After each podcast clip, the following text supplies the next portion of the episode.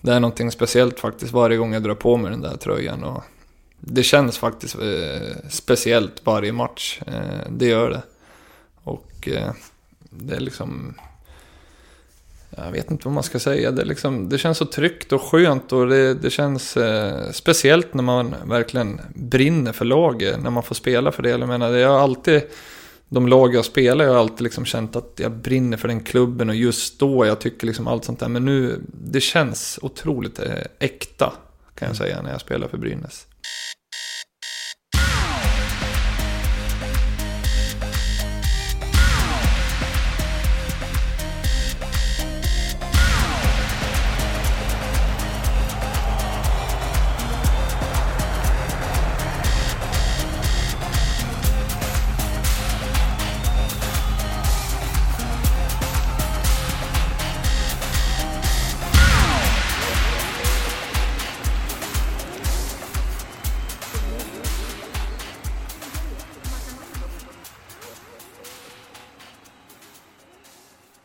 SHL-podden från NordicBet är här igen och detta är ett SHL-podden möter-avsnitt. Som vanligt är det jag, Mårten Bergman, som leder detta och dagens gäst heter Jakob Blomqvist och är lagkapten i Brynäs. Vi pratar om hur fantastiskt bra Leksands fans är och vad resten av SHL-klubbarna kan lära av det. Vi pratar om livet uppe i Kiruna och att kombinera hockeyspelande med jobb i gruvan. Vi pratar om Tommy Salos amerikanska ledarstil, om tårar i ögonen på taggade lagkamrater om att brinna för laget man spelar för på ett otroligt äkta sätt. Vi pratar också om att backa ur slagsmål med Jean-Luc Grandpierre, om att göra hattrick i Dala Derby, att träffa Mario Lemieux samt vad oddsen på att Jakob Blomqvist och Niklas Bäckström spelar tillsammans igen. Pratar också mycket om eh, hans eh, resa för att eh, uppnå sin dröm som hela tiden har varit att komma tillbaka till Brynäs och om hur känslosamt det var för både honom och hans familj när han fick beskedet om att han skulle bli eh, lagkapten och få se, på, se ett på bröstet på sin Brynäs-tröja. Har ni åsikter och synpunkter på den här podden så når ni mig på SHL-podden på Twitter, går även bra med hashtag SHL-podden eller på mitt eh, egna konto att Marten med TH Bergman. Nu ska jag inte orda mer utan vi beger oss istället tillbaka till den 28 november 2016 i Jakob Blomqvists lägenhet i eh, Gävle. Mycket nöje. Jakob Blomqvist, kapten, Brynäs. Gävlebocken brann i natt. Kommentar? Eh, äntligen är julstämningen här. Mm. Du har inte så mycket pynt dock. Eh, nej, inte än. Jag är väldigt mycket för julpynt och julkänsla. Men jag kommer nog troligtvis flytta här om två veckor. Så att då får jag vänta lite grann med julpyntet faktiskt. Men du har liksom en låda på vinden? Ja, flera lådor. flera? Låda på låda? Ja. Aha. Vad önskar du i julklapp? Oj. Eh, faktiskt inte så mycket. Det Eh, jag fick den bästa julklappen nyss och det var eh, treårskontrakt med Brynäs faktiskt. Så att, eh, nu är jag ändå 30 år så då behöver man inte önska sig så mycket. Så att, nu är det roligare att ge bort presenter och speciellt när min syster som har två små pojkar också, då är det roligare att kunna ge bort lite paket till dem. Vad får de? de Matchtröjor? Ja, det, det, har de nog redan men äh, lite hockeyklubbor och, och kanske någon äh, Autograf? Ja, autograf. Nej, men ett par skridskor tror jag. Ja. Tror jag det minsta behöver faktiskt. Finns det liksom eh, gener där eller? Eh, ja, det tror jag. Eh, det är lika som med hundar och allting. Det, det gäller att para med bra gener och sånt där, så då får man till en, en bra hockeyspelare ja. tror jag. No pressure. Precis. om vi går tillbaks tills du var, ja, kanske inte riktigt så liten, men eh, i alla fall eh, mindre än vad du är nu. Eh, vi pratade ju lite off-podd förut och jag var lite osäker på moderklubb där, det står Gävle på Elite Prospects. Har läst liksom mycket om så här Valbo eh, i koppling med dig, men där spelade du ju när du eh, var vuxen, Ja. kom vi fram till. Eh, men eh, Brynäs, när hamnade du där? Då var jag nog år innan TV-pucken. Så jag tror det var 15 år då ungefär. Eh, innan det jag spelade med Gävle GIK. Eh, de är oftast bra lag i ungdomsåren. Eh, fått fram många bra spelare, många bra Brynäs-spelare också. Som har gått den vägen och sen när man blir äldre så är det ett naturligt steg att gå till Brynäs då. Och så blev det även för mig då. Men Brynäs då, vad var det för dig när du växte upp? Eh, ja, alltså jag kommer ihåg det så väl att man, man gick där till Gavlerinken och eh, satt på de där träbänkarna och det var bland det roligaste man visste när man fick eh, hänga med på hockey och, och titta på det. Eh, kommer framförallt ihåg när det var mot Leksand, eh, för då, då märkte jag till och med på farsan att då var det något extra och eh, det var mycket bättre stämning i i arenan och folk var liksom, det var, det var något helt annat. Så att eh, jag kommer ihåg, de första minnena var liksom när man var liten att man frågade alltid när möter de Leksand? Sa man liksom, för då visste man att då skrek alla och det var lite fart i arenan och men eh, alltså Brynäs, det, man har vuxit upp med dem. Eh, jag menar, spelar man hockey, älskar hockey och så bor man i den här staden och, och liksom har en anrik förening som Brynäs och får liksom växa upp med den och sen få chansen att spela juniorhockey och allt sånt där i, i den och utvecklas där. Det är enormt stort faktiskt. Vad hade du för idoler och så? Jag hade väl inte sådär riktigt någon specifik idol utan eh, det var väl många. Eh, Det var väl kanske lite från match till match och sådär men eh, Tom Bissett kommer jag ihåg ganska mycket faktiskt. Det var, det var läckert att se när han fick sina lägen där på kanten. Han bara smällde in puckarna, puck efter puck. Och jag kommer ihåg att jag fick en klubba av honom, en Bosch-klubba som var bland de första klubborna som var lite av komposit. Fast det var gummi i dem sådär så att eh, den kommer jag ihåg jag kapade ner och, och försökte skjuta med men det gick inte så bra faktiskt.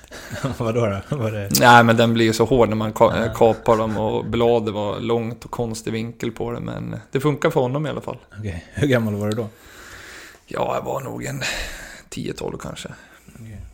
Ehm, Jag funderar på så vilka som mer spelar då. Alltså, mm, det fanns ju någon god ryss med så här galler som visir. Davidov. Exakt. Ja, ja, ja. Han eh, var faktiskt ner och tittade på våra träningar ibland eh, på Nynäsplanen då. Eh, han var runt och tittade lite på ungdomshockey och han var ner och gav oss en klubba och sådär så att eh, det kommer jag ihåg faktiskt. Farsan sa idag var Davidov och tittade på er. Va? Sa man liksom och, och han var en eh, stark profil när han spelade här faktiskt. Det var liksom inte så här eh, superryskt eh, divigt som man tänker. Nej, faktiskt inte. Det var... Jag vet inte vad han hade för liksom, om- man hade någon connection med liksom eh, Gigiko eller något sånt där. Men han var ner och tittade lite på träning och sådär ibland, så det var, det var stort.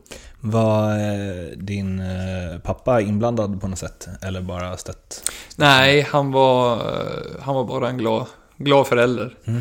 Eh, En men alla. otroligt hockeyintresserad. Okej. Ehm, d- där undrar man ju vad, eh, alltså, vad kände han när du gick till Leksand? ja. Eh, nej, men han...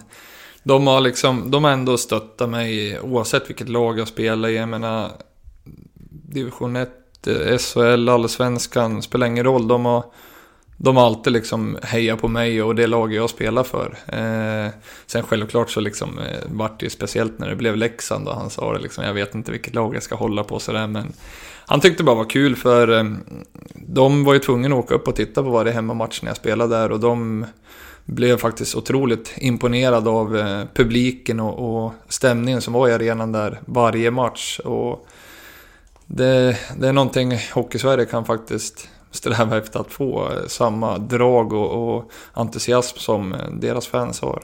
Man kan ju ändå tänka sig att så här, om man har hållit på Brynäs alltså, Mm. hela livet och sen så går grabben till, ja men du målade ju upp det innan liksom hur matcherna ni var på och kolla. Mm.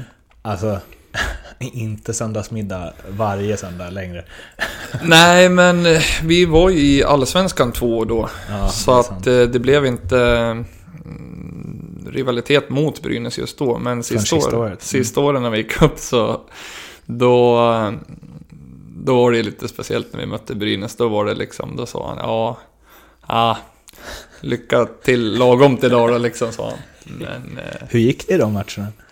Eh, vi torskade första matchen eh, ganska stort, rätt så tidigt på säsongen och kände... Ja, det var första till Jo, och det med, var va? första Ja. matchen till och med. Jag tror det blev 3-4-1 och vi blev Precis. ganska rejält utspelade. Mm. Men eh, sen så vann vi, vet jag, en gång också. Jag tror vi vann med 1-0 och jag fick göra målet då faktiskt. Att, eh, då blev han ju glad för att jag gjorde målet, men sur för att Brynäs förlorade. Så att, men ja, det har ju alltid varit kul att spela mot dem. Ändå alltså, helt och hållet på din pappas sida där. Man kan liksom inte svänga bara för att det är Nej. liksom en, någon form av blodsband till Nej, en precis. annan förening.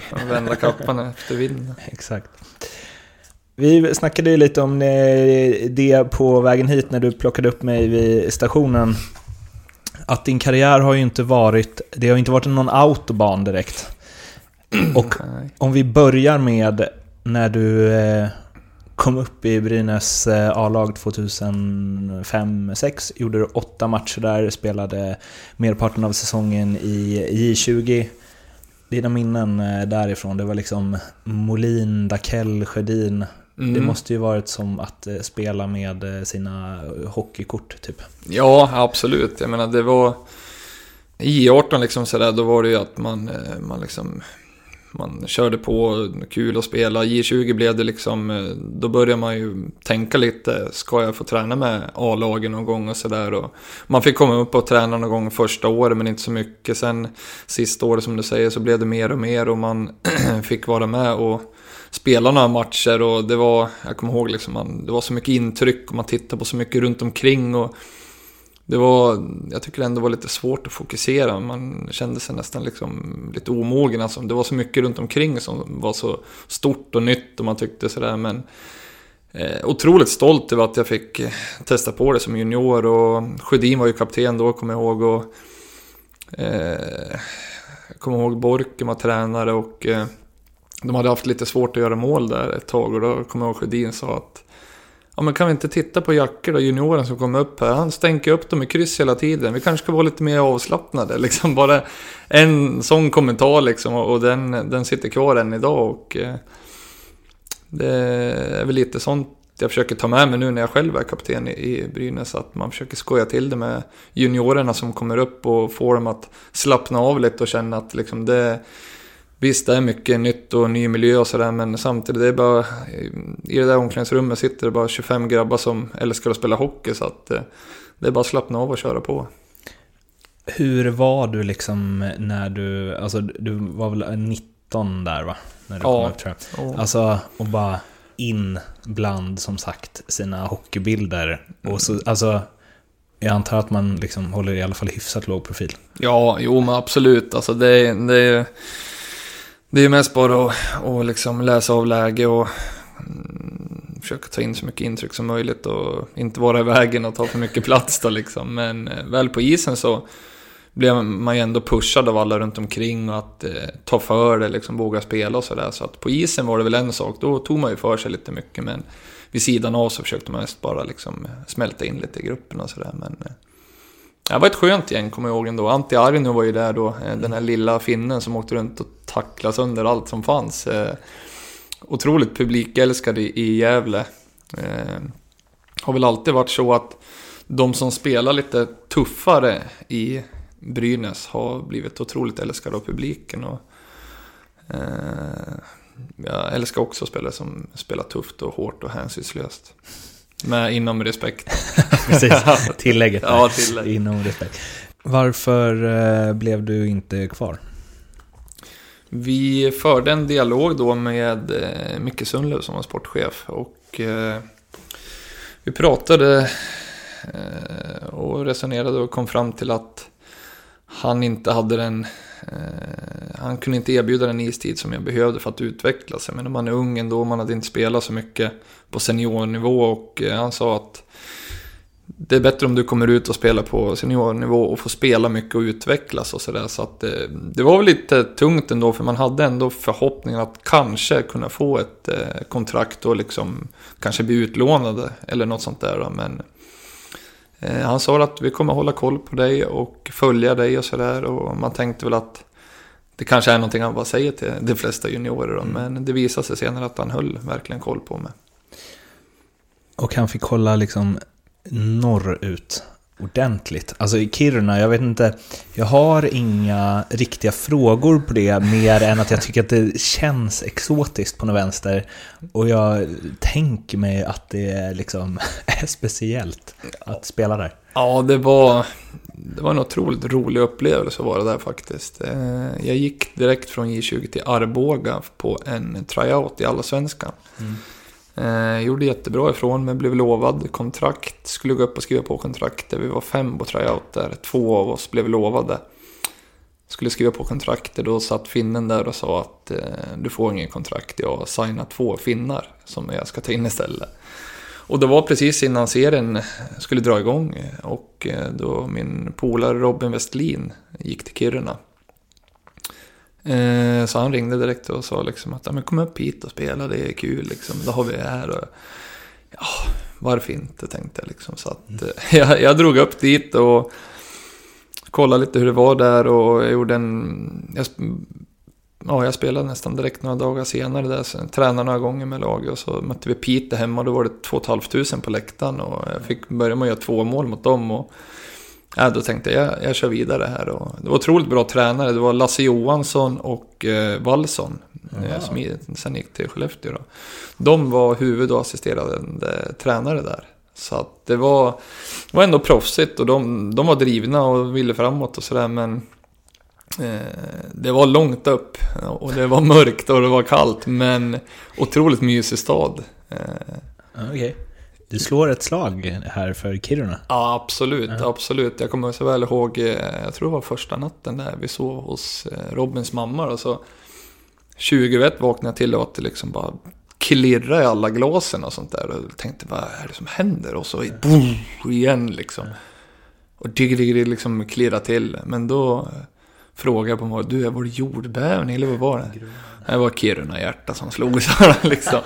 Så det var en liten skön invaggning man fick där klockan 20 varje natt faktiskt. Eh, när de sprängde i gruvan då. Eh, fick även jobba på ett företag som hyr ut eh, massa liftar och grejer och sånt där ner i gruvan. Så mm. att det var bara att stämpla in på gruvan på morgonen och åka ner och serva och greja och sen till träning. Så att det var en rolig och mysig tid faktiskt. Passade på att åka upp lite skoter på fjällen och sådär. Så att, eh, det var speciellt men eh, en tid jag uppskattar otroligt mycket faktiskt. Det låter asgött. Ja, alltså det, människorna där också, de var ju liksom, det var ingen stress alls. Och klev på första bortamatchen så liksom, ja det är kortresa sa de liksom. Vi behöver inte ens ta oss jackorna sa de. Det är 40 mil till eh, Haparanda liksom. så det var en rolig tid faktiskt. Det, det var länge sedan jag var tillbaka där faktiskt, men jag kommer absolut åka upp dit igen. Och mm. Ishotell hade de ju där och lite sådär, så att eh, det var en rolig Hur gick hockeyn då? Hopp 28 poäng på, nej, 24 poäng på 29 matcher. Ja, nej men det gick, det gick väl ganska bra faktiskt. Eh, serien var väl lite ojämn sådär, men eh, vi hade ett bra lag. Det var väl många, som, många hemvändare det året. Vi hade ett bra lag, tyvärr åkte ut i sista allettan tror jag det var borta mot Hudik kommer jag ihåg vi torska.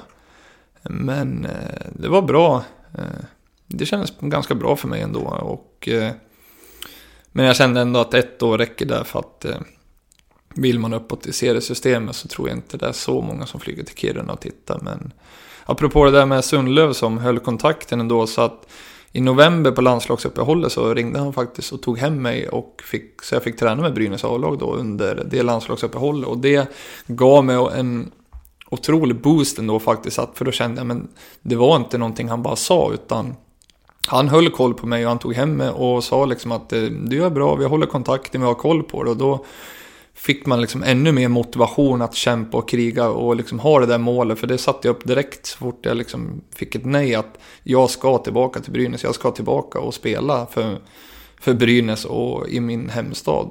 Så att eh, otroligt bra gjort av honom att ta hem mig och liksom visa att vi håller koll på det. Mm. Sen blev det Kumla, Valbo och den, eh, om du inte har något speciellt du vill säga om eh, dem, eh, den första säsongen där, där du spelade 30 matcher i Kumla, 10 i Valbo, så skulle jag vilja hoppa till den andra säsongen i Valbo, 08-09. Då du alltså gör 30 plus 38 på 41 matcher. Alltså utan att ha sett jag såg inte varje match med dig det året kan jag inte påstå. Men det känns ju som att du kanske var lite för bra för division 1. Ja, men det var ett otroligt viktigt år. Ehm, jag hade, det var ju mitt tredje år då, då i division 1. Och eh, jag kommer så väl ihåg att jag och pappa stod i på trädgården ute vid honom och fixade vid grönsakslandet och pratade lite om framtiden och inom hockey och lite hur man ska resonera om man ska börja plugga lite vid sidan av och sådär för att man började bli 22 år eller vad jag var då, 22-23.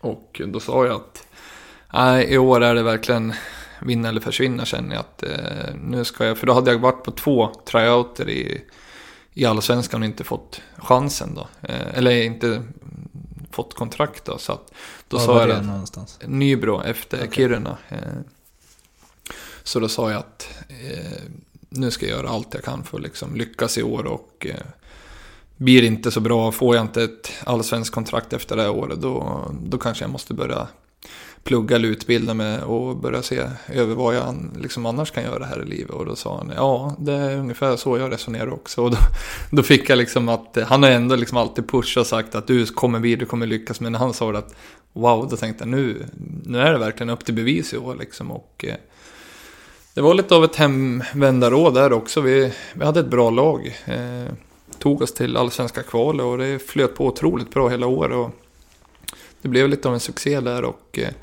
Stefan Bengtzén, nuvarande sportchef i Brynäs, eh, var han som med Sam Hallam som tränare i Bofors som eh, var och tittade på mig i några matcher och erbjöd mig ett kontrakt i Allsvenskan. Då. Och det var otroligt skönt att få det erbjudandet. Gjorde du någonting annorlunda inför? Alltså tränade du hårdare, la om kosten, dadada, eller var det bara liksom mer fo... Alltså... Ja, alltså... Vi hade ingen uppstyrd fys sådär just i Valborg, men eh, jag försökte väl vara efter varje träning i alla fall och eh, köra lite extra. Eh, fick med mig lite olika killar varje gång sådär. Det är ju så i division 1. Vissa är nöjd för att de spelar där och tycker att det är kul och spelar lite då och då. Vissa är lite yngre och vill med så att jag tycker ändå, jag vet att jag körde hårdare än de andra och jag verkligen ville, ville testa mina vingar då så att men inte något överdrivet utan eh, jag har väl alltid tyckt att jag älskat att träna och jättegärna liksom har försökt alltid ha bra inställning. Eh, året efter, eller när jag fick det där kontraktet med Bofors så då pratade vi lite och då sa jag faktiskt att nu ska jag ta chansen. Nu ska jag göra allt jag kan för att verkligen lyckas i Allsvenskan. Och då ringde, då ringde jag en kille som jag vet tränade hårdast här i Gävle, nämligen Henrik Petré. Mm. som... Honom har jag gjort ett reportage om. Faktiskt. Ja, faktiskt. Nej men han, han hade jag hört mycket bra om att han tränade, att han var liksom så stark och sådär. Så jag ringde upp honom och bara presenterade mig och sa att Eh, jag har fått chansen att spela Allsvenskan och jag vill komma så väl förberedd som möjligt. Skulle jag kunna få träna med dig i sommar? Och han eh, blev ju skitglad och sa ja men absolut liksom. Men då får du vara beredd att ge järnet grabben. Alltså det kommer, det kommer göra ont liksom. Och, det, och det, det var ju... bra invitation. Ja, eller hur? Så är det så. Eh, så att det var ju dubbla pass där fem, sex dagar i veckan och eh, det var griskörning. Det var liksom rollerblades med däck bakom, kättingar bakom. Det var springa i sandbacke och allting. Men jag kände ända efter den sommaren så hade jag absolut inte kunnat gjort någonting mer för att förbereda mig. Och eh, det resulterade i att jag kom i en topplacering i poängligan och spelade åt med ett SHL-kontrakt direkt. Då. Ja, du gled ju över dit själv, men eh, Bofors, eh, Karlskoga har ju ett rykte om sig, minst sagt, om att vara ett ganska grisigt lag. Jag kollade truppen det året. Där fanns det ändå liksom Linus Persson och Peppe Lund och så. Alltså, mm. kändes ändå som att... Eh, ja, det var inte bara Wessner liksom. Nej, nej.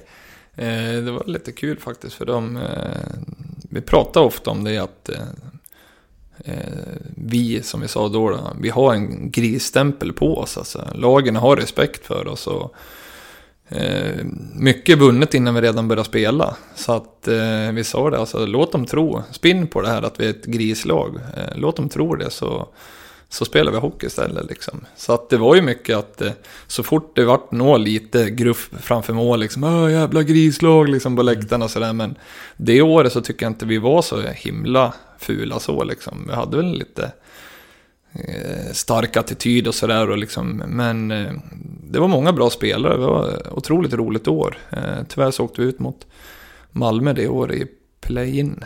Eh, men eh, väldigt rolig säsong faktiskt och bra gäng det, det året. Modo mm. snappade upp dig. Eh, hade du kontrakt då med Bofors? Eller vad gick det ut? Ja, jag tror det var... Men med så här SHL ett, out ja, eller? Ja, precis. Inom ett visst datum. Då. Och där fick du ju inte direkt lira powerplay, kan jag tänka mig. Om man tittar på siffrorna. Nej, det var... Det var väl det som var eh, liksom bluppen i, i hockeykarriären då. Att jag gick dit när de inte hade signat någon tränare. Eh, Fredrik Andersson, sportchefen, signade mig där. Eh, sportchefen byttes ut till Marcus Näslund och det kom in tränare sen. Så att de hade väl egentligen ingen plan för mig utan det blev väl mest att du får spela fjärde, en ytterforward, jag var center då. Så att eh, eh, det blev ett tungt år hockeymässigt. Eh, inte mycket istid. Eh, tyckte det, det gick dåligt för laget.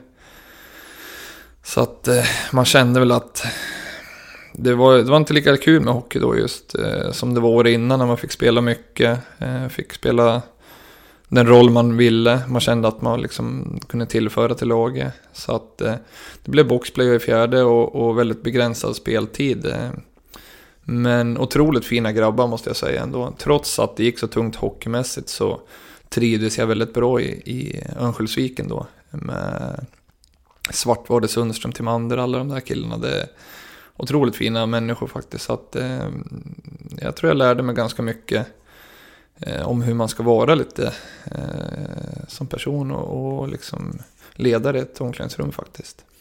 Fanns det någonting där att liksom så här, hur bra är jag egentligen? Nej, utan eh, hade jag fått spela mycket, hade jag fått spela den hockey jag ville i den position jag ville och sådär och inte lyckats, då hade det varit en annan sak. Men eh, när jag kände att jag liksom... Jag menar, får man spela 6-7 minuter per match eller mindre eller lite plus minus liksom sådär. Och liksom inte känna att man vågar spela sitt spel. Då liksom kände jag ändå att jag har i mig. Jag kände att jag kan spela på den här nivån. Men just då hade jag inte självförtroende och fick inte förtroende heller. Så att eh, jag kände att jag, jag liksom jag kan spela här och bara jag får rätt förutsättningar. Och det var väl lite mer... Det var väl ändå någonting som gjorde mig ännu mer taggad att jag ska visa att jag håller på SHL-nivå då. Mm. Modo där, de har ju haft en minst sagt eh, tung resa sen eh, dess, eller vad man ska säga. Ja. Hur, ehm, vad hade du för känsla kring klubben och det som liksom för sig gick, eh, om man bortser från ja, att du inte fick chansen och så, men generellt liksom? Ja, men det var ju mycket snack i, i liksom runt eh, Övik att de måste få fram egna juniorer för att de har ju haft en stark ungdomsverksamhet där och fått fram otroligt många bra spelare. Eh, så att det var väl lite sånt eh, snack som gick i stan där.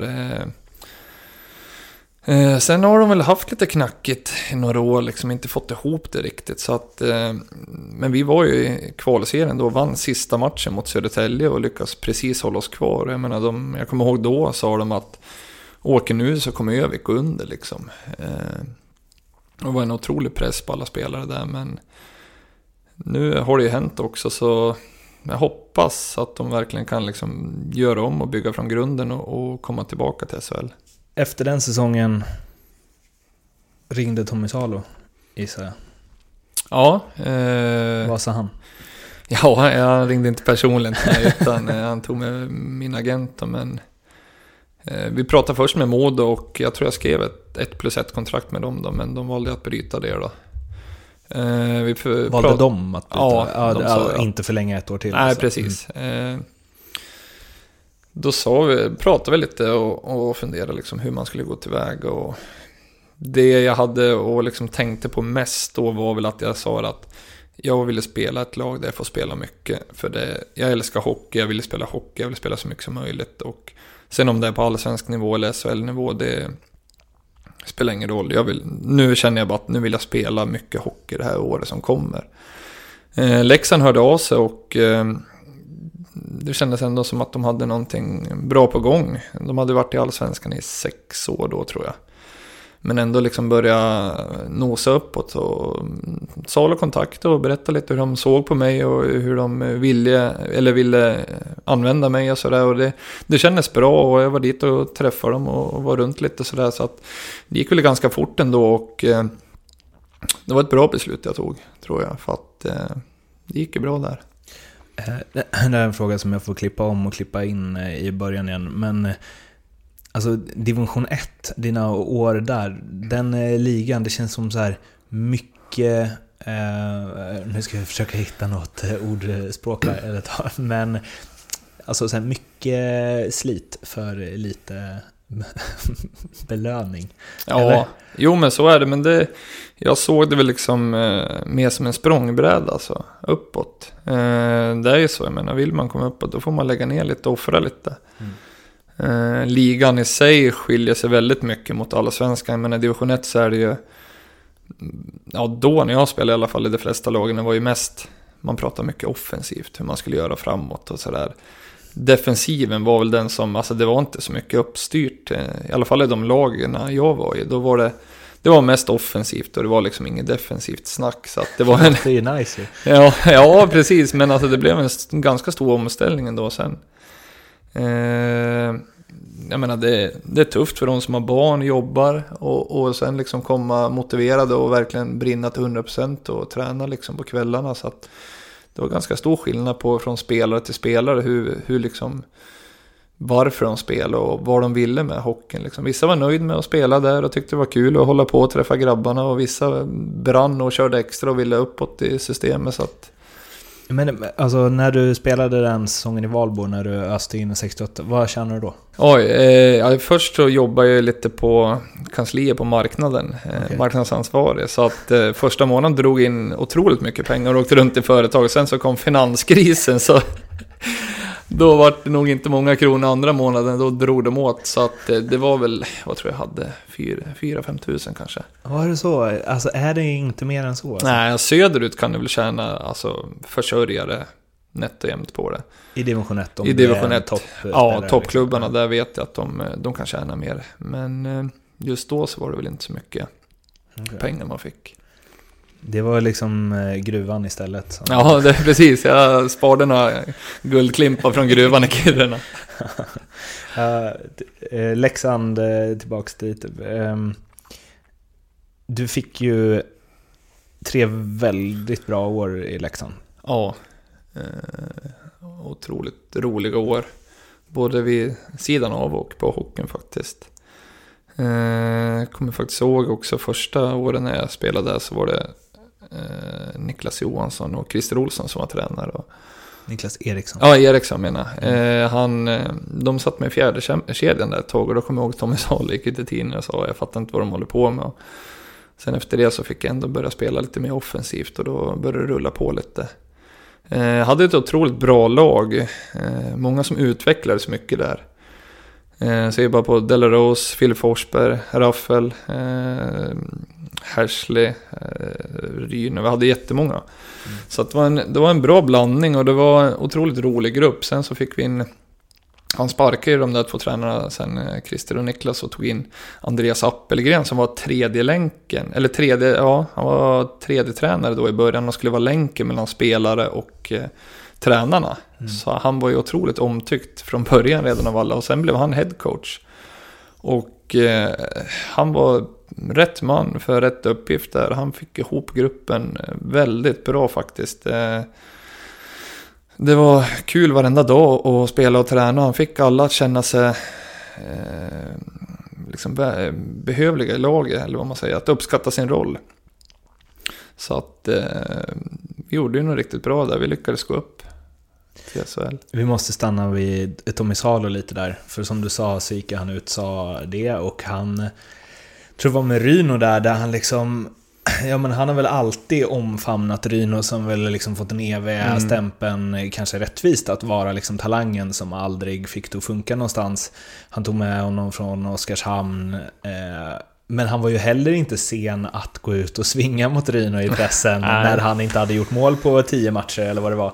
Eh, vad säger alltså, Det känns ju, jag får lite feelingen att Tommy Salo eh, gillade dig.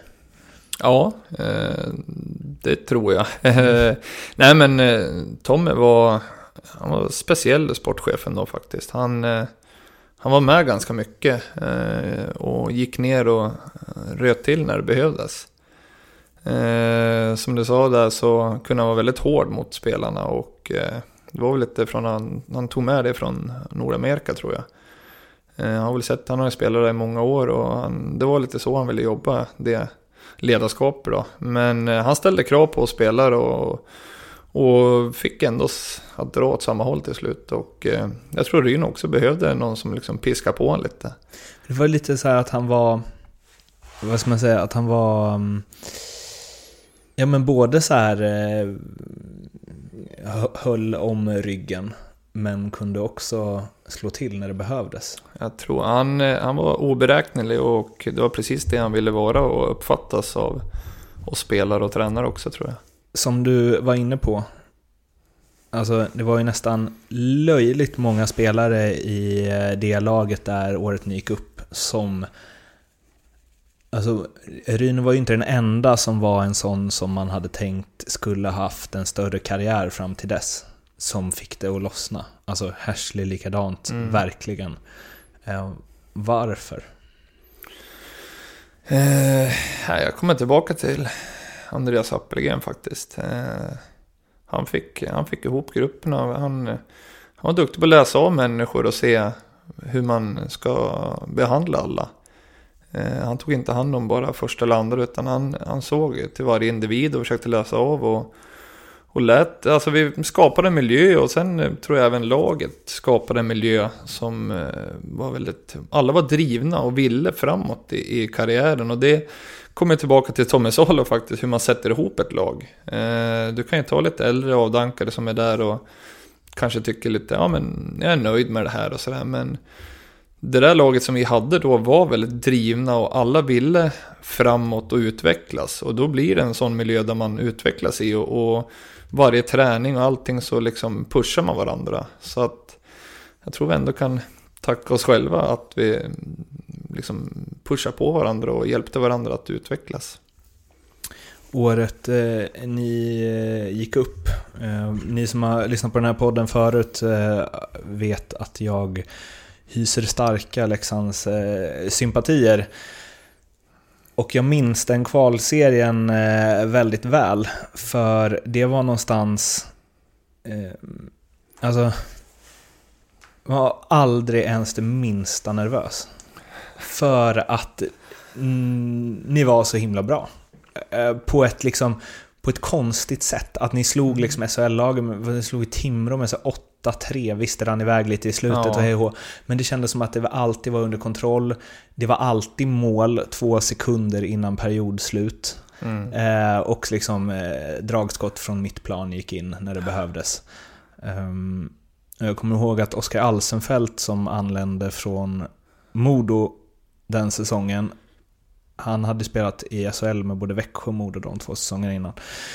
Och en av de första grejerna han sa när han hade spelat några matcher i Leksand var att eh, vi har en mycket bättre offensiv än vad Modo har och vad Växjö har. Eh, och just den så här, Raffel, Filip Forsberg eh, och Ryno som kanske var på en nivå över eh, Hockeyallsvenskan då liksom. Eh, det känns som, eh, ja men vi pratade lite om det innan också, en av de, eller kanske bästa hockeyallsvenska lag som funnits liksom. Ja. Eh, I alla fall i modern tid, sen lönerna har skilt så mycket mellan serierna. Liksom. Ja, nej men absolut. Vi hade en eh, väldigt stark trupp där. Eh, den där kvalserien, eh, vi var ju där i kvalserien först, eller år innan då. Och eh, det kändes ändå inte som att... Ja, vi var inte riktigt redo att gå upp då. Men eh, vi surrade lite efter den där kvalserien, kom ihåg och sa att nästa år, då, då, är, vi, då är vi förberedda. Nästa år tar vi klivet liksom. Mm. Och eh, ja, det var ju liksom, som sagt, det var ju det var otroligt drag från första matchen i serien till sista matchen. Det, vi utvecklades och vi blev bara starkare och starkare. Och som du säger, när vi gick in i kvalserien så kommer jag ihåg att de hade klippt ihop en, en liten triggervideo med alla liksom highlights från året och allt sånt där. De släckte ner omklädningsrummet och, och satte igång den där på högsta volym. Och jag menar, vi sa det efter vi tittade på den där. Vi, ja, vi ville, bara, ville bara springa igenom någon vägg. Alltså, Raffel sa, vem fan var det som har, vem är det som har suttit och hackat lök? För han hade tårar i ögonen. Han var så taggad liksom. Så att, Eh, det var en otroligt härlig känsla vi gick in med i den där kvalserien faktiskt. Och, eh, jag kommer ihåg att jag fick eh, bytte kedja innan tror jag, innan kvalserien. Så att jag fick spela mm, i en första eller andra femma där. Och utvecklades ännu mer, fick spela ännu mer offensivt. Så att jag fick ju vara med och ligga i topp där på poängligan i kvalserien. Och kände verkligen att nu, att man utvecklades personligen, liksom allting. När, ju, mer, ju mer det gäller och desto liksom tajtare matcher så har jag alltid haft en förmåga att kunna höja mig ännu mer. Och det var många som gjorde det i det där laget också. Så eh, otroligt fina minnen från Leksand faktiskt. Hur, hur, hur är det att gå upp? Eh, magiskt faktiskt. Det var det...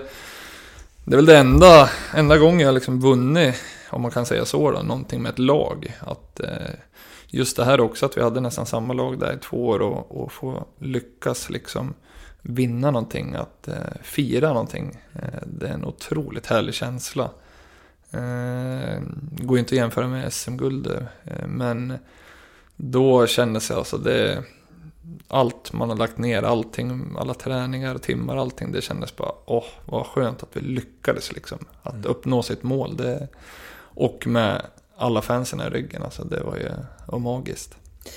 Hur mycket är tiden i Leksand det du berättar nu och hur mycket är det också... Eh, ja, det var ju... Även om det gick bra så det är ju alltid liksom... Ja men Cirkus Leksand. Det mm. händer grejer. Ja, det hände mycket där. Det var ju rekonstruktion och det var... Ja, det var lite allt möjligt. Det, var, det hände saker, absolut. Men eh, jag tycker de skötte det bra ändå. Allt liksom från veden kom ner och berättade hur läget såg ut. De körde med öppna kort mot oss. Att, jag menar som hockeyspelare, vi kan inte göra något annat än göra vårt bästa på isen. Och det var det vi gjorde liksom. Att, eh, allt annat så, det får ju de på kansliet sköta. Så att, eh, det var bara att köra på. Jag menar, det ingenting man kan påverka själv. Så det, jag tror inte det tog så mycket energi av oss faktiskt. Första säsongen i SHL där efter att ni gått upp jag tror att, eh, nu höftar jag lite här, men jag tror att ni hade... Så lagen runt som kom liksom placeringen före och efter i tabellen hade målskillnad på så här plus 3 eller något, plus 4. Mm. Och jag tror ni hade minus 28 eller något. Och en så här, nu är inte jag så bevandrad i det, men det här med Corsi och så var ju liksom, fanns ju inga siffror som stämde överens med tabellplaceringen. Mm. Förutom poängen. Eh, det var ju ett, eh, alltså, jag vet inte, det är liksom topp fyra i totala täcka skottligan var från Leksand. Mm. Eh, det var, måste ju, eller det var ju ett speciellt spel. Ja, alltså det vi... Vi hittade ändå ett sätt att vinna matcher på. Och det var ju oftast uddamålsvinster. Mm. Eh, sen när vi väl klappade ihop lite, då rann det iväg några matcher vet jag. Mot 7-1, 8-1 och lite sånt där. Så att, men eh, överlag så spelade vi väldigt tight. Eh, vi hittade en väg att vinna matcher. Eh, Alsenfelt storspelade i målet, vi spelade uppoffrande. Vi, vi visste att liksom, vi hade ett giftigt powerplay så att eh, när vi väl fick chansen så liksom hade vi 2-1 och visste att ja, men nu, nu kör vi igelkott liksom. Mm. Och det, det funkar ju. Vi var ju precis, de gjorde ju om systemet där så att det blev play-in och det där mm. tyvärr. Men eh, det var en, det var en härlig, härlig säsong. Det var fullsatt i varje arena när vi var och spelade och eh, vi slog ifrån underläge liksom hela tiden. Så att, eh, jag menar, det finns inget bättre än att vinna med uddamålsvinster. Eh, jag måste bara fråga, den andra matchen där, ni vann med 2-1 i Örebro tror jag. Och Alsenfelt tog 41 skott eller något. Jag tror aldrig, och då har jag ändå liksom följt Leksand sen jag var så här, åtta år. Alltså, jag har aldrig sett ett lag så utspelat. Nej, det var, nog, det var nog den skönaste vinsten. Men där, alltså vad tänker man som spelare där? Alltså man måste ju någonstans bara, vad är det som händer? Vad, det här kommer bli en jobbig säsong. Ja, men Örebro har ju alltid haft fel med statistiken. Man får fel, dålig teknisk och de vinner skotten och det är fullsatt varje match. Och jag vet inte om det där stämmer, men nej då, men eh, det är klart att liksom jag menar, han stod på huvudet många matcher och, och räddade oss, men eh, samtidigt så liksom...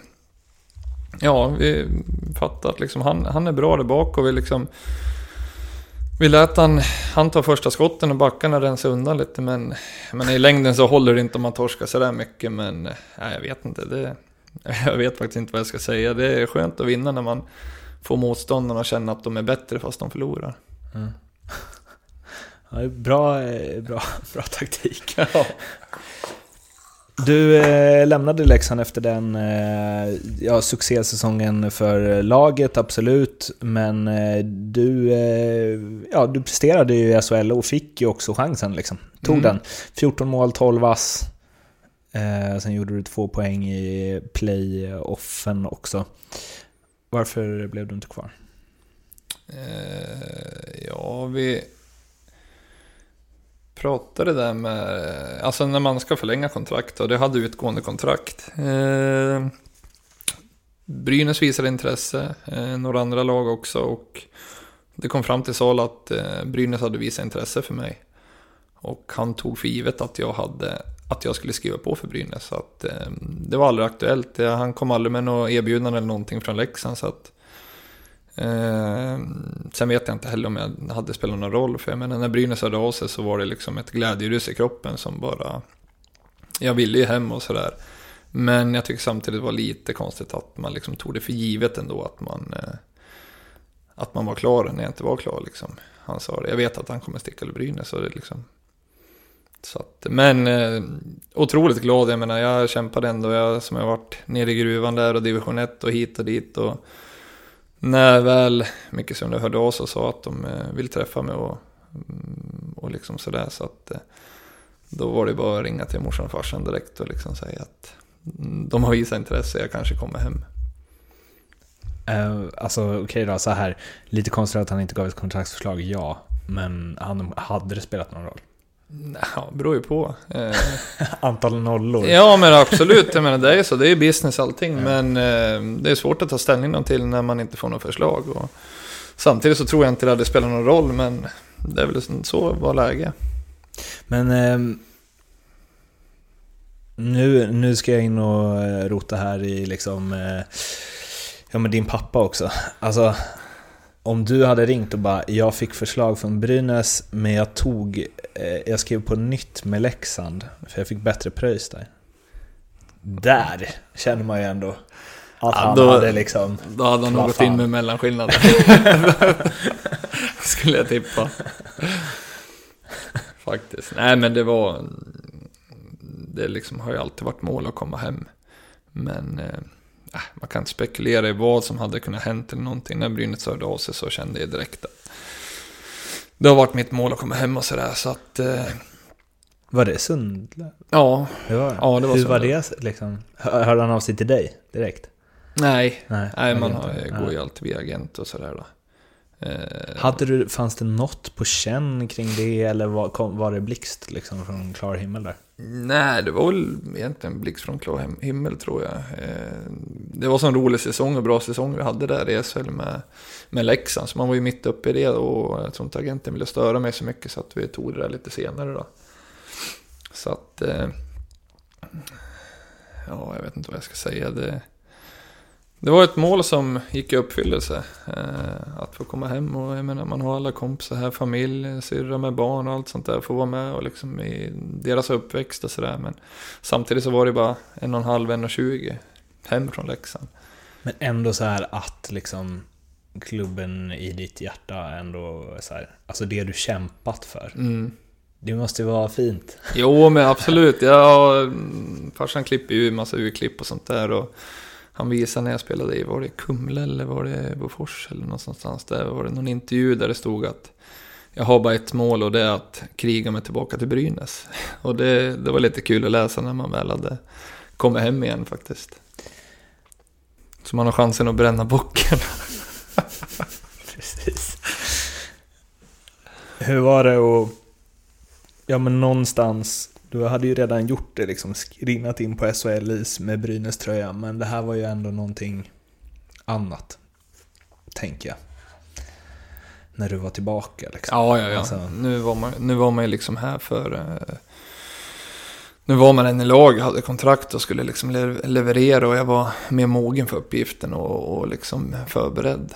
Så att... eh, Jag tycker jag, det är någonting speciellt faktiskt varje gång jag drar på mig den där tröjan. Och, eh, speciellt liksom eh, när man åker in här i eh, Gavlerinken. Liksom att det känns faktiskt eh, speciellt varje match. Eh, det gör det. Och eh, det är liksom... Jag vet inte vad man ska säga. Det, liksom, det känns så tryggt och skönt och det, det känns eh, speciellt när man verkligen brinner för laget. När man får spela för det. Jag menar, jag har alltid... De lag jag spelar, jag har alltid liksom känt att jag brinner för den klubben och just då, jag tycker liksom allt sånt där. Men nu, det känns otroligt eh, äkta, kan jag säga, när jag spelar för Brynäs. Hur har de här eh, säsongerna varit då? Eh, ja, lite, lite omskakande ändå. Jag menar, vi, eh, det har ju varit tränarbyte och det har, varit, eh, har väl inte lyckats sådär eh, riktigt bra. Eh, vi har haft lite bra på gång och sen som sagt lite skador hit och dit. Och har väl inte fått ihop det riktigt över en hel säsong eh, än. Eh, var väl på gång lika förra året, vi låg bra till fram till jul och så fick vi några tunga skador och så dalade vi lite tyvärr. Men återigen så har vi ett starkt lag nu och vi ligger med upp och drar lite där i toppen trots att vi inte är nöjd eh, prestationsmässigt. Då. Eh, har lite skador nu men jag tycker ändå vi har lite juniorer som fyller på och kommer in och gör det bra. Och en skön känsla i gruppen och en eh, lite samma stuk som i Leksand där, att det är många som vill uppåt och sträva liksom eh, framåt i utvecklingen hockeymässigt. Så att eh, jag tycker det är en bra arbetsmiljö i lag just nu. Din väg då någonstans från att... Eh, jag vet inte, det är liksom... Alltid varit någon som gör mycket poäng. Eh, nu har du tagit en... eh, jag vet inte. Du, alltså du gör ju fortfarande en del poäng men det är liksom inte... Det är inte snipen längre. Um, Ja, Ola Snipen finns kvar. Men- Men, eh, nej men så här var det, jag, var ju, jag blev värvad hit för att vara en eh, första andra spelare i powerplay. Eh, Sundlöv sa ju, du ska inte spela en tredje eller fjärde och absolut ingen boxplay, utan jag, du ska vara framåt. Men det är dina kvaliteter. Dina spetskvaliteter sa han. Och sen så Tommy Jonsson var ju tränare där, han fick sparken, Bulan kom in och eh, eh, då blev det, han, då fick jag en roll i fjärde eh, och spela boxplay och fjärde. Och där har jag fått spela ett tag nu fram till, ja förra året runt jul där så blev det lite skador och då fick jag lite mer förtroende och då gick det bättre och sen så i play-in förra året fick jag spela powerplay och sådär och då tycker jag ändå jag har tagit chansen varje gång jag fått den och visat att jag levererar så fort jag får chansen och spela lite mer offensivt. Eh, mm, och eh, jag tycker ändå att jag har blivit bättre och bättre och blivit mer allround. Alltså jag kan, jag kan, jag tar den roll jag, jag får alltså. Men jag, självklart så vill jag ju fortsätta och spela lite mer offensivt och leverera framåt. Eh, fått lite ny omgivning nu på slutet, nu i år, senaste matchen och eh, det har gått bra. Det har rullat in lite mycket, eller lite mål och jag känner att jag utvecklas, alltså att jag kan värdera lägena lite när jag ska spela offensivt och, och defensivt. Så att eh, jag känner, mig, jag känner att jag utvecklas varje år. Jag tycker jag blir ju bättre och bättre så att jag trivs med hockeylivet just nu. Vi eh, inledde ju lite där med att du redan fått din julklapp i kaptensrollen. Om du ska någonstans analysera dig själv utifrån att Alltså resan, det här är ju en flummig fråga och lång känner jag redan nu innan jag ställt den. Men någonstans att du gått från eh, ja, men talangen som inte tog en plats, som skulle ut och liksom jobba dig upp och sen så, så här, acceptera en mer eh, defensiv roll i Brynäs.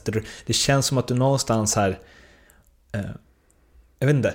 Folk, eller spelare som har gjort den resan du har gjort man blir typ, eller jag blir typ lite glad när du blev kapten. För det känns som att det har liksom, det har inte varit givet hela tiden. Mm. Alltså att du någonstans här, hela bara, den långa vägen vid 24 års, 23-24 års ålder, bara fortfarande division 1. Bara, ska jag börja liksom mm. tänka på att lägga grillarna på hyllan? Och nu är du, har du liksom set på bröstet i ditt favoritlag. Ja, det... Jag tror inte jag liksom har fattat fatta just nu. Eh, eller jag har ju fattat men jag tror det kommer liksom eh, mer sen när man tittar tillbaka, kanske när man lagt av, att liksom jag, jag var kapten för Brynäs IF, lag i mitt hjärta i min hemstad. Just nu när man är inne i det så är det liksom, det är alltså, man kör ju bara på. Och, men samtidigt så är det, när de frågar mig det så liksom kommer jag ihåg att eh, vi vill ha dig som kapten i Brynäs IF jag kommer inte ihåg så mycket mer av det mötet. Jag kommer ihåg att jag satt på kvällen och funderade om de sa vi vill ha dig som en av kaptenerna. I, alltså jag var osäker om jag blev, ska jag vara assisterande eller kapten? Alltså, jag fick nästan en blackout där men det, jag vet inte, jag har blivit stärkt av alla motgångar och, och liksom, jag har mycket erfarenhet känner jag nu och eh, jag har ju bara, jag har alltid varit mig själv och glad och positiv och liksom eh, älska att spela hockey och vara nere och surra och grabb, med grabbarna i omklädningsrummet och liksom varit öppen som person och sådär. Så att jag var även kapten i J18 i Brynäs, jag var kapten i J20 i Brynäs, jag var kapten i, eh, i TV-pucken också. Så att det är väl någonting kanske man har naturligt i sig då. Så att eh, det är ingen stor grej att göra av det utan eh, jag är mig själv bara och, och försöker vara så bra lagkamrat som möjligt. När du fick det, bara du ska bli kapten. Alltså, som du säger, man kör på och man är inne i det. Men ja, som sagt, när, lamp, när du går och lägger dig och släcker lampan efter det, kan du inte bara så här... Uh, fan vad stort är det? Jo, absolut. Alltså. Jo, jo, jo, absolut. Jag menar vi... Eh, när man sitter där liksom och med föräldrarna sa att du är kapten i Brynäs IF. Liksom. Ja, det är jag. Det, det är klart, det är otroligt stort. Det är det. Det är någonting jag värderar otroligt högt. Eh, jag vet inte vad man mer kan säga liksom. Vem värderar det högst? Du eller dem? du eller dina föräldrar? Ja, nej, det måste nog vara jag faktiskt. Okay. Det, det gör jag. För det, du nämnde ändå det tror jag. Mina föräldrar började nästan att gråta av stolthet över att deras grabb ska få vara lagkapten ja. för Brynäs. Jo, men jag menar så är det. Jag menar, de har ju varit med och stöttat hela tiden och sådär. Men sen när jag går till mig själv ändå så liksom, man måste ha det inre drivet själv för att lyckas liksom. Och jag menar, jag har ändå haft mål och jag menar, när jag tänker till mig, på mig själv och så blir jag faktiskt väldigt stolt över vad, den resan jag har gjort och vad jag åstadkommit. Och sen så liksom kan jag ändå klappa mig på bröstet och säga att nu är jag hemma och nu är jag kapten för laget i mitt hjärta. Så det är klart jag är oerhört stolt över mig själv, över vad jag har lyckats med och den vägen jag har tagit. Tommy Sjödin, Janne Larsson, Jakob Blomqvist. Ja, precis. eh, och på det temat då, förlängningen, tre år. Eh, nu vet man ju inte hur mycket treårskontrakt det betyder när KL-klubbar kommer in, om de nu gör det någon gång. Men i din värld, när du skriver det här treårskontraktet, känner du... Eh, eller snarare så här, tänker du att eh, jag ska lira i Brynäs? Och that's it? Ja, absolut. Resten av karriären? Liksom. Eh, ja, alltså man... Eh, I hockeykarriären så liksom, man tänker inte längre vad kontrakt är. Okej, okay, vi formulerar så här. Om du hade spelat liksom, jag vet inte hur länge du tänker att du håller på, men eh, åtta år till i ja. Brynäs. Hade du varit nöjd med din karriär då? Ja, absolut. Absolut. Eh, eh, som jag sa, liksom, det, båda parterna måste vilja det. Liksom. Eh, det som jag sa tidigare, man vill, om man vill spela en klubb, sen är det upp till dem om de vill förlänga och skriva med så. Men jag är otroligt glad och stolt över att jag får spela i minst tre år till i Brynäs i alla fall. Det är jag och eh, jag känner mig fräsch och pigg i kroppen trots att jag är 30 och så att 38-40 kanske man kan sikta på. Du får gå ner och lira som PP-back. Ja, precis. Rightare. Som Sködda gjorde. Exakt. Um...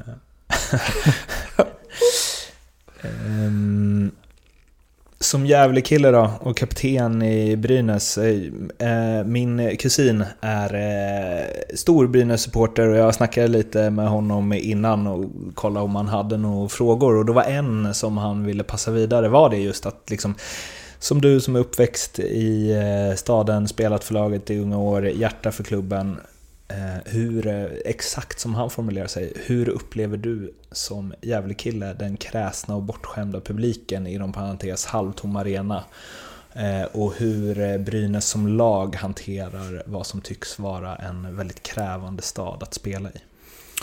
Ja, alltså det där, jag tycker det är tråkigt att vi inte kan locka mer eh, publik till matcherna, absolut. Men samtidigt så tycker jag det har blivit bättre under de här tre åren jag har varit här.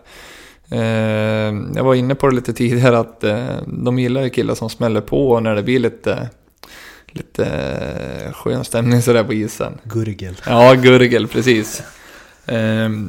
de, jag vet inte, det var lite mer sen de byggde nya arenan tycker jag. Innan det så var det väl lite mer alltså, drag på läktaren tycker jag. Men eh, jag tycker det blir bättre de sista åren. Men de är, de är kräsna och det har de all rätt att vara. Men att tittar du upp i taket så hänger det många SM-guld där. Och de kanske inte bara är nöjda med att vi vinner utan de vill se att vi presterar bra hockey också. Eh, det har de all rätt att göra men jag menar, kommer det mycket folk då, då kan de sätta press, men är det lite halvtomma läktare så kan de inte begära lika mycket heller. För att det är en enorm skillnad på spel om det är 4 000 på läktaren eller om det är 7 500 på läktaren. Det, det ger oss mycket mer stöd och liksom man, blir, man blir mer taggad och, och det är roligare att spela. Uh, uh, Sen är det alltså, jag menar, tittar du generellt sett över SHL så är det ju lite, det, det, är tufft att få ihop det liksom. Eh, det är mycket matcher och sådär, så det är väl många lag som har lite problem att locka publiken varje match och sådär. Men eh, jag tycker det har blivit bättre och bättre och klacken har blivit bättre så att... Eh, och nu ligger vi där uppe och nu kan väl, nu kanske kan locka ännu mer publik till läktarna. Tänker man mycket på det som spelare liksom? Att det är 4000 och inte 8? Ja, jo men det gör man. På uppvärmningen får man en ganska klar bild på ungefär hur mycket folk det kommer vara. Och, men sen ibland beror det på vilket folk som är där också. Vissa liksom, eh, ibland kan det vara väldigt bra tryck i arenan trots att det inte är så mycket. Men det är klart att man håller koll på hur mycket folk det är. Och är det mycket folk då blir det automatiskt att man blir mer, mer taggad och det blir roligare att spela. Jag eh, eh, håller på i Norrköping i fotboll och där, nu var det länge sedan jag var supporter där eftersom jag också jobbar som fotbollsjournalist och man trubbas av lite. Men när jag var med liksom farsan när jag var liten på parken som det var då, så var det, alltså det här gnällbänken var ju liksom en, det var allt var bättre för. Mm. Och det kändes som att det krävdes liksom ett superskräll SM-guld för att eh, liksom gubbarna där ens skulle överväga att så här, mm, är det ungefär lika bra nu? Ja. Eh, och eh, lite samma så här feeling får jag kring eh, Brynäs. Eh, alltså, så länge de kommer på matcherna så tycker jag det är helt okej okay att sitta och gnälla och skrika och döma ut oss totalt. Liksom. Eh, så länge man berör och, folk liksom bryr sig om oss så är det bara bra. Sen om de eh, tycker att vi spelar skit och, allt sånt där, det spelar ingen roll. Så länge man är där och, involverad och, och, följer oss så att då skapar det diskussion och det blir ett större intresse kring laget. Sen om, det, om de liksom mår bättre av att sitta och gnälla, det spelar ingen roll. Och så länge de är på läktaren och pratar med folk på stan och det skapar intresse så tror jag att det är positivt i, i längden. Mm. Du var ju inne lite på det förut och jag fattar att den eh, grejen säkert är känslig för vissa. Eh, men eh, jag uppfattar i alla fall under din tid i Leksand som att eh, som att du var väldigt omtyckt i den klubben och att du tyckte om den klubben väldigt mycket. Och lite så här, nu var ju det åt andra hållet med Jesper Ollas, liksom, Mm. som gick hi- hit istället och sen tillbaka. Att han fick liksom kämpa lite med den grejen. Ja. att eh, plisa båda fansen liksom. Men eh, där, eh, du nämnde ändå det innan att, ja, stämningen där. Ja, eh, nej men alltså jag... Eh, jag trivdes otroligt bra där. Jag plussade deras fans och publik i, hela tiden. Och det, det tycker jag man ska göra. För jag menar, det, att spela där, är liksom, nu, även när vi spelade Allsvenskan, det, det var liksom nästan fullsatt. Och det var drag på läktaren. Och det, det finns inget bättre än att spela när det är drag på läktaren. Och man liksom rycks med och man kanske har en liten tung dag. Så blir man ändå liksom taggad av publiken. Och det var lite kul, vi mötte dem senast där så stod ju klacken och sjöng och grejade åt mig och hade sig sådär. Så det, En gång Leksing, alltid Leksing. ja, de sjöng något sånt där. Eh, nej men det är kul ändå att man gjort avtryck och att de kommer ihåg en, att, man, än att de liksom inte eh, bryr sig om en så. Eh, jag hade jättebra tid där och jag är glad över att jag fick spela där med de där alla bra hockeyspelare och kompisar man fick därifrån. Så att eh, jag menar de, jag fick ju chansen att spela åt mig ett kontrakt i Brynäs via Leksand så jag är tacksam över att jag fick den tiden där. Brynäs som eh, förening. Det är, eh, det här är också en fråga från, som jag tackar min kusin eh, för. Eh, men liksom, eh, många på pappret eh, beundransvärda projekt. Unicef, en bra start och så vidare. Eh, hur och på vilket sätt är de viktiga liksom för laget och inte bara för liksom klubben? Alltså förstår du, om man ska in och liksom i omklädningsrum, på vilket sätt? Att ni inte har reklam utan att ni har Unicef på dräkterna. Vad betyder det? Nej, men det, det betyder mycket faktiskt. Eh, jag menar, det, vi pratade om det tidigare, att man, eh, man kan göra så mycket mer än bara liksom hockey och beröra människor runt omkring och, och skapa intresse och allt sånt där. Och för det första så tycker jag att vi har den snyggaste dräkten i, i SHL, eh, utan tvekan. Och sen så tycker jag det är otroligt kul och bra initiativ av dem att att vi är ute i skolorna varje måndag och hälsar på och, och är där och hjälper dem med läxor och allt möjligt. Och, eh, jag tycker det är kul att Brynäs går i bräschen och bryter lite ny is. Det kommer säkert om några år vara några fler klubbar som gör något liknande för att hjälpa just eh, eh, sina barn och sin framtid. Jag menar, det här kanske gör att fler barn börjar med hockey, och får stark åter, återväxt inom hockeyn i, i Gävleborg här och, och kanske runt om, ännu längre, mer runt omkring i Sverige också. Så att, bra initiativ, jag tycker det var en bra sak och vi alla spelare i laget tycker det är jättekul och jag menar det man får, får tillbaka mycket när man är ute i skolorna med alla barn och man får lite, lite roligare frågor av dem eh, än eh, man får av... Av mig? Ja, ja, precis. Nej, men varför förlorar ni? Varför gör ni inget mål? Och liksom, de, är, de är ärliga och det, det är kul att kunna vara ute och hjälpa till och, och framförallt när man är och börjar lära känna dem lite mer. Så att eh, det är kul att kunna bidra lite mer än att bara ge dem en upplevelse om de går och tittar på oss på arenan. Jag ska ju intervjua en, en till Brynäs-spelare i vår i den här podden tänkte jag. Då kanske jag ska ta med mig en kid bredvid. ja kan- precis. Input Du kan under åka tiden. ut och be dem skriva lappar med frågor. Exakt. Eh, men eh, för den grejen är ju lite så här, man tänker liksom Ja, fika och spela NHL och kolla på Netflix är eh, någonstans här jag vet inte, och det har väl verkligen idrottsmän genom åren byggt upp själva, eh, den bilden. Det här känns ju som något annat och det känns som att typ alla borde göra det. Ja, absolut. Jag menar, vi har ett stort ansvar som förebilder och eh, vi kan påverka, påverka väldigt mycket och jag tycker att det bara är positivt. Jag tycker fler borde hoppa på det här tåget. Jag har eh, youtubat dig, Mm. två grejer som jag fastnar för. Eh, eller fast det fanns inte så jävla mycket annat om jag ska vara ärlig. Den första, från, eh, eller båda är från Leksandstiden. Den första är Marcus Högström och du, när han spelade i Malmö. Gosigt utanför ena spelarbåset. Ja, Minns du situationen? jajamän. Vi, vi stod där och vi fastnade lite i varandra och höll på. I typ en halv minut. Ja, det var nog, jag tror sargreklamen höll fast oss lite där. Nej, men vi stod där och grejade. Sen så, vad hette den där backen? Jean-Luc Jean Jean-Luc, ja precis, kommer dit och eh, Blev backade alla lite. Ja, det blev gruff utanför vårat bås och eh, alla står där och liksom försöker vara så himla kaxig. Så han är en erkänd bra fighter. Så när han hoppar in från deras bås och åker och kastas in mot vårat bås så ser man hur, hur alla kastar tillbaka för att inte att eh, han ska få tag i någon. Så det var en liten rolig sekvens faktiskt. Det var, det var som när liksom en lärare går in och bryter en fight ja. på en skola, fast med en hotfull approach. Ja, jag tror det var bra att, att de höll sig borta där, för det var väl inte så många duktiga fighters jag hade det där laget.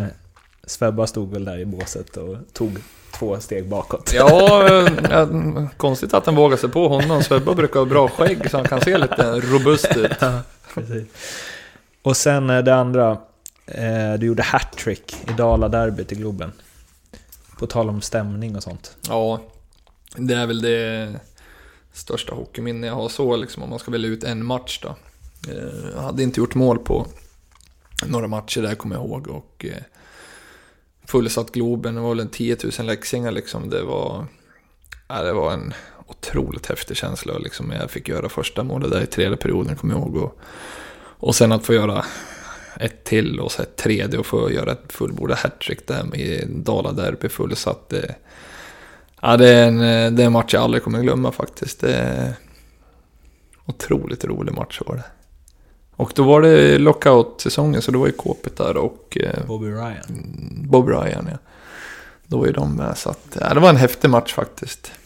Jag ville lite såhär, spelare du spelat med. Jag har säkert missat någon, men eh, jag har några som jag skulle ändå vilja så eh, ta upp här. Um, Ladislav Nodge, eller Nadji. Nadji. Eh, Lubos Bartechko mm. i Modo. Alltså, Bartecho, ja han var ju typ som en farsa åt Nadji där. Okay. Han, eh, alltså han skällde på honom och pratade med honom. de pratade ju på sitt språk då. Eh, två otroligt roliga spelare faktiskt. De, de spelade hur mycket som helst och de var ju riktigt bra. Men han var otroligt hård på honom och skällde på honom. Lät det som i alla fall på deras språk då. okay. Var han lite loj eller? Ja, men han hade ju den där lite layback stilen liksom. Mm. Men eh, han blixtrade till, han var otroligt giftig när han väl fick lägena. Mm. Eh, Baratek och kommer jag ihåg också. Han såg otroligt bestämd och nästan farlig ut. Tatuerad över hela kroppen liksom. Jag tänkte det såg ut som en MMA-fighter liksom. Men otroligt snäll när man väl pratar med honom också. Så att, och många bra spelare där i Modo. Jag spelar med en som jag tycker jag fick mycket bra tips och det var Byron Ritchie. Eh, riktigt bra kille. Han har ju spelat NHL och eh, han kommer med mycket bra tips och, och han, han respekterar väldigt mycket. Han tycker alltid liksom, eh, han krigade allt vad han hade varje träning och match. Och, eh, otroligt bra kille som jag försökte ta efter mycket av. Niklas Bäckström. Mm.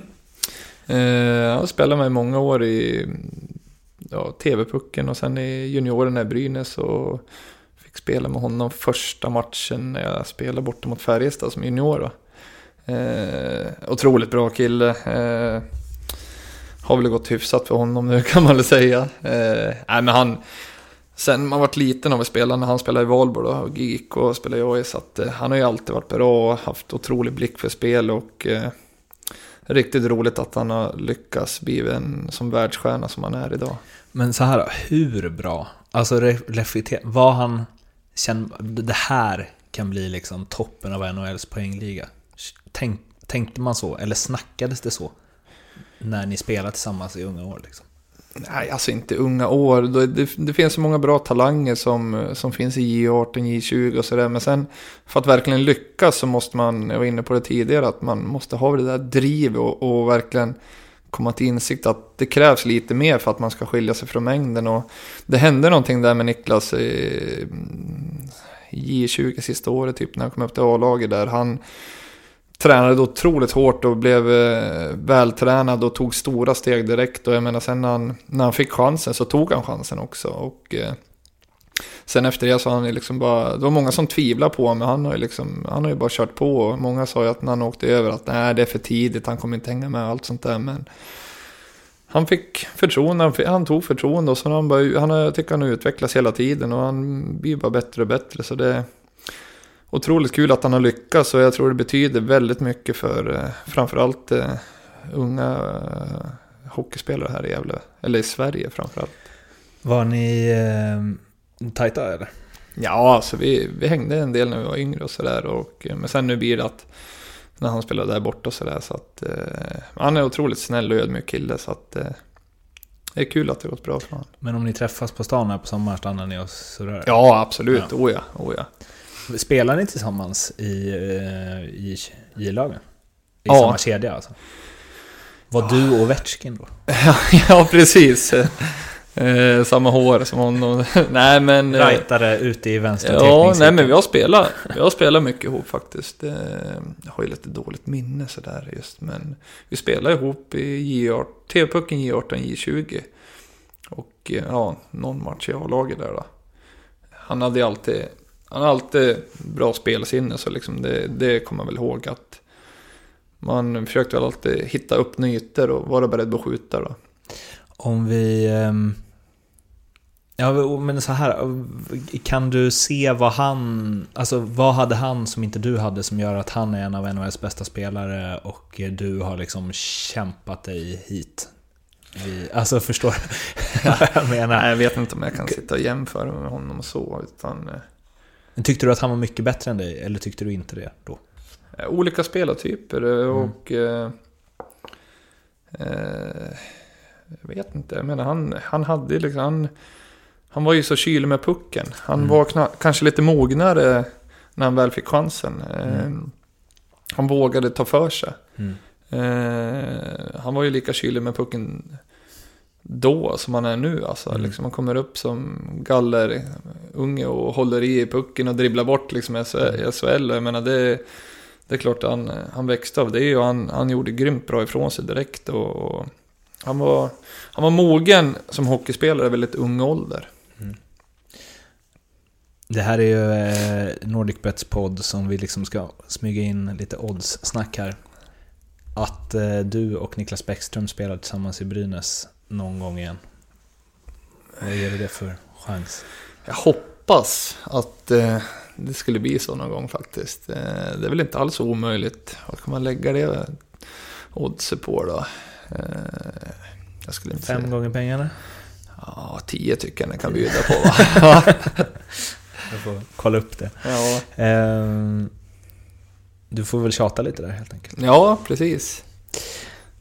Den sista, ehm, som vi redan varit inne lite på, men ehm, Johan Ryno, en spelare som många med mig eh, som man tänkt när man sett ibland att han har allt för att bli Niklas Bäckström bra. En storlek kombinerad med en teknik. Alltså jag skulle säga att han är liksom... Eh, det är Malkin, typ. Mm. Men som inte har fått ut det på, liksom, på den nivån som alla trodde. Vad säger du om Ryno? Ryno och jag är väldigt bra kompisar. Vi pratar i telefon ganska ofta och vi, vi spelar ihop i Leksand där. Och otroligt snäll och bra kille och duktig hockeyspelare. Eh, jag har väldigt svårt att prata om spelare som hade kunnat bli bättre eller liksom, förstår du, de som var talanger och sådär. Utan jag brukar alltid säga att man är inte bättre än vad man är. Mm. För man kan inte säga att han hade blivit bra om man hade tränat mer. Och sånt. Nej men då hade han inte det. Mm. Så jag kan säga att han, man är så bra som man kan bli. Och han är bra idag och så bra är han. Vilket bra svar. Ja, nej men jag, jag är faktiskt lite anti mot eh, att man liksom han hade kunnat bli någonting eller hade han bara gjort det så hade han varit där. Det, det funkar inte liksom så. Jag menar, jag hade lätt kunnat lagt av när jag var yngre och sagt att hade jag bara tränat, hade jag fortsatt så kanske hade varit i SHL. Ja men mm. du spelar division 1 men mm. eh, eftersom jag ändå liksom har kört på så jag vill testa hur bra man kan bli och på något sätt så gör ju alla sitt bästa och då är man där man förtjänar. Vi ska runda av med lite enkätfrågor. Du har fått några innan, inte alla dock. För att jag vill ha liksom överraskningsmomentet. Oj, oj, oj. Förutom eh, Peter Forsberg, Mats Sundin och eh, Niklas Lidström. Vem är Sveriges bästa spelare genom tiderna? Börje Salming. Tycker du att han är före någon av de tre? Eh, ja, men jag tycker ändå han liksom... Jag tycker han är en viking som bröt isen alltså. Eh, tror du att du hade spelat i eh, första femman i alla NHL-lag 1990? eh, ja, det tror jag. Det är kul. Det är två av två eh, som har varit gäster i den här podden som tror det. Mm. Förutom eh, Wayne Gretzky och Mario Lemieux, vem är världens bästa hockeyspelare genom tiderna? Eh, Sidney Crosby. Om du, hade få, om du får tänka helt fritt, vilken regeländring, hur galen eh, den än må vara, hade du velat se inom hockeyn? Oj. Det... Den kanske jag borde skicka till ja. känner jag nu. Uh, uh, uh, Nej, men då skulle jag nog ta bort blå lin alla linjer på isen. Mm. Mm. Hade du fiskat där uppe då? Ja, men alltså göra lite wild and crazy sådär ja. alltså. Det kräver lite mer taktik och alltså, man kan inte liksom säga att hålla blå utan bara helt vit is. Mm. Kör. Det är kanske det som eh, gör att ni har fullsatt varje match, känner jag. bra, bra idé, tycker ja. du ska ta med dig. Ja. Här är några du har fått då, eh, eller i alla fall ett par. Den bästa spelaren du har spelat med? Eh, ja, men det är väl Niklas Bäckström och Peter Forsberg har jag tränat med, va? men Niklas Bäckström. Mm. Den bästa spelaren du har mött? Och då vill jag inte säga den bästa på pappret, utan då vill jag ha den som du tycker har varit bäst eller svårast att möta. Anse Kopitar när han var i Mora under lockoutsäsongen. Jag fattar inte hur man kan vara så stark på tekningar. Alltså det var, alla sa likadant. Han, eh, och när han fick pucken, han, han köpte sig tid på något sätt som precis när man skulle pokechecka på klubban, då passade han. Så att, eh, nej, han är absolut den bästa och svåraste spelaren jag mött. Känner man då när du möter honom att bara, det här är något annat? Ja, man kände så då. okay. Den bästa lagkamrat du haft i den bemärkelsen att som du tycker att man ska vara som lagkamrat? Eh, ja, alltså det är, det är många. Nej, men skulle... om du ska liksom flytta till en, eh, inte en öde öra eftersom du ska starta ett hockeylag där, men ändå ta med dig en person. För ja, att bygga då, ett lag. Ja, ja, då skulle jag nog ta med Per Edblom i Leksand faktiskt. Eh, tyvärr så blev han ögonskadad nu och vet inte om han kan komma tillbaka till hockey. Men eh, otroligt fin och bra människa och bra kompis, så att han håller jag högt. Har du blivit eh, som liksom, du är någon form av idol för eh, vissa i alla fall, kan jag tänka mig. Mm. Har du blivit starstruck någon gång?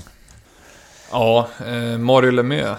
Mm. Eh, Har du träffat honom? Ja, jag var med Liam Lindström och hans farsa Wille Lindström.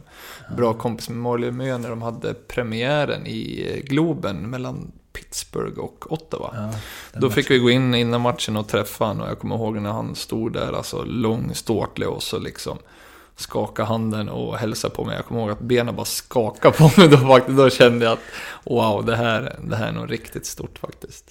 Fan, jag tror att det var eh, Johan Hedberg som berättade för mig när han kom till Pittsburgh. Och han gick så här, han gick fram och hälsade på honom. Ja. Eh, och han liksom, han bara Johan liksom. Och han bara, ja, Mario. Ja. Som att man bara, mm, jag vet. Ja, exakt. jag har koll på det här. Ja, han hade pondus faktiskt, han hade en bra aura. Och att när han la av, det tror jag också var Hedberg som berättade, att han hade suttit och, Johan Hedberg om du lyssnar på det här får du ursäkta ifall det inte var du som berättade det här. Men han hade suttit och så här, efter Lemieux sista match, i omklädningsrummet efter matchen, så hade Johan suttit och bara, ska jag våga liksom, ska jag gå ut och be om autograf? Det är lite skämmigt, det är ändå min lagkompis här.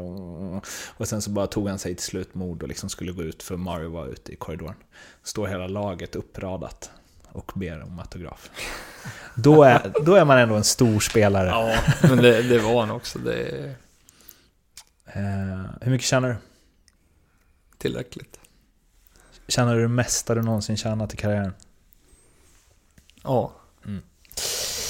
Din största framgång på isen? Mm, som lag så var det med Leksand när vi gick upp i SHL. Och din största motgång? Ja, det är ju i året när jag spelade i Modo. Och eh, Den här skickade jag innan, ehm, men eh, lite eh, flummig så. Men vad är det sjukaste, konstigaste, knäppaste som har hänt dig inom hockeyn som du kan säga on tape? Alltså det är, jag vet inte, jag glömmer bort sådär mycket. Men alltså sjuka saker, det är så här små saker. Det är väl ingenting som har stuckit ut sådär riktigt mycket faktiskt. Det är individuella spelare som har haft mycket konstigt för sig liksom. Eh, som, som använt babypuder och ovanligt mycket liksom för att känna sig torr och len om, om huden liksom. Sådana saker. Och Här vill jag ha namn. Ja, nej, jag droppar inga namn sådär. Bussen började brinna någon gång när vi var på väg till Karlskrona, kommer jag ihåg. Vi fick gå två kilometer till hallen liksom. Vadå, med Brynäs? Eller? Nej, med Leksand Med Leksand, faktiskt. Ja, det bara började ryka och brinna bussen så alla fick springa ut. eh. Det Sen- är ändå det glamorösa hockeyproffslivet. Ja, precis. Nej, men det händer ju sjuka saker dagligen, men eh, kanske inte nämna att eh, ta upp här. Om du helt och hållet får bestämma allt, när det händer, hur gammal du är, var du spelar, vad resultatet i matchen blir och så vidare. Hur skulle din sista match vara om du fick regissera den själv? Ja, det är nog ganska lätt att svara på. Det är nog sista året jag spelar. Hur gammal är du? 30... 38. Eh, Back. ja, precis. Målvakt. Nej, men 38. Sista matchen i Brynäs. Hemma. Sjunde avgörande. Eh, och man får avgöra i sadden. Och få avsluta med att lyfta pokalen. Och slutligen, vem skulle du vilja höra i den här podcasten? Eh, ja, då skulle jag nog vilja höra Alsenfelt. Han har varit med en gång, för eh, innan det blev liksom SHL-podden. Vem ska jag ta Då-? Reserven. Ja, eh, då skulle jag vilja höra Johan Ryner då. Han har tackat nej, men du kanske kan lägga in ett gott ord.